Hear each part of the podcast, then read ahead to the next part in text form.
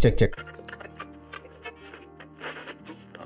Ini tentang dua orang pemuda jomblo, tujuh tahun bersahabat. Setiap mata memandang iri dengan pertemanan mereka. Bahkan ada yang berpikir mereka saling cinta saking dekatnya. Mereka memiliki banyak kesamaan, bahkan memiliki tipe wanita idaman yang serupa. Jadi begini ceritanya. Suatu hari yang cerah di sudut kota yang adem, Omil dan Berton sedang berada di lapangan badminton. Memang, setiap Rabu dan Sabtu mereka berdua rutin berolahraga, khususnya bulu tangkis. Setelah bermain empat set, mereka beristirahat, lalu Omil mengajak Berton membeli minuman mereka pun berjalan bersama. Lima menit berjalan kaki, mata Omil tertuju ke minimarket samping lapangan badminton. Omil pun mengajak Berton ke minimarket tersebut. Sesampainya di depan pintu minimarket, Omil dan Berton secara bersamaan mendorong pintu kaca minimarket. Tangan Omil berada di atas tangan Berton. Mereka saling bertatapan dan tersenyum satu sama lain lalu mereka masuk bersamaan.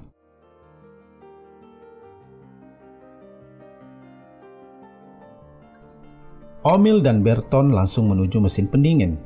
Mata mereka tertuju ke minuman yang sama. Omil membuka mesin pendingin, Berton melakukan hal yang sama.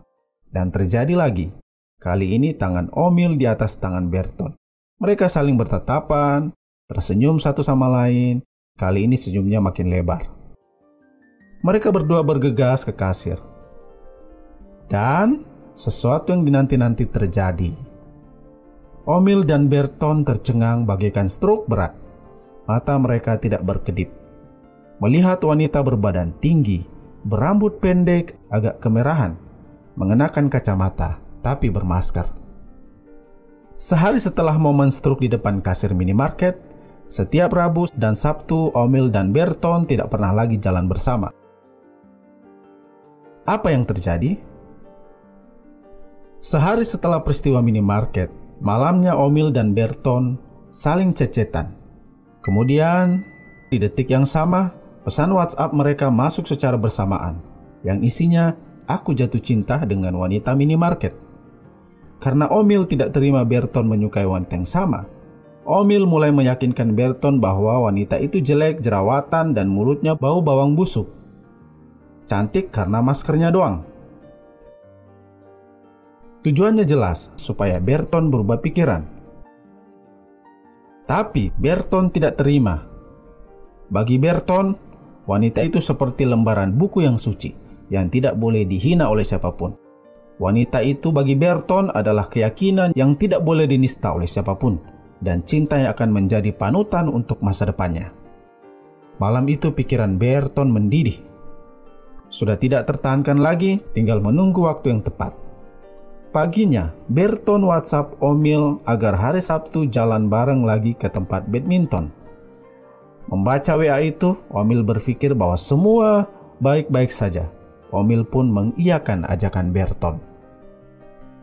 Setelah ayam berkokok tiga kali, di hari Sabtu, Berton mengkhianati Omil.